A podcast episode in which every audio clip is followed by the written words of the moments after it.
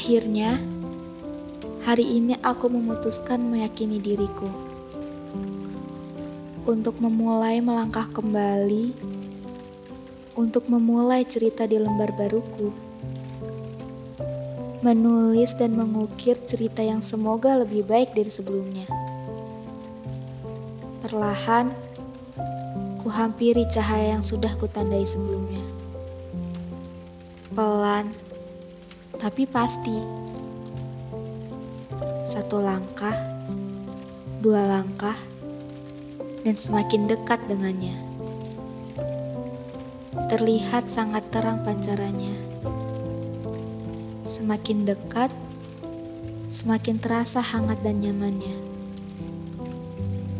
Semakin membuatku yakin bahwa ini cahayaku yang akan memberikan pencahayaan di hidup baruku, yang akan menuntun dan jadi petunjukku selanjutnya,